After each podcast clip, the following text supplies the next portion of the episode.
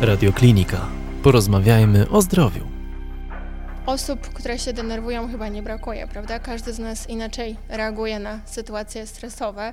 Badacze, którzy zajmują się trzewnym układem nerwowym, sądzą, że tak, że właśnie w jelitach może rozpoczynać się e, proces związany z zachwianiem nastroju, e, z jakąś upośledzoną tolerancją na sytuacje stresowe, czy właśnie nawet zachwianie równowagi w obrębie właśnie mikroflory jelitowej trzewnego układu nerwowego e, może być punktem wyjścia do depresji.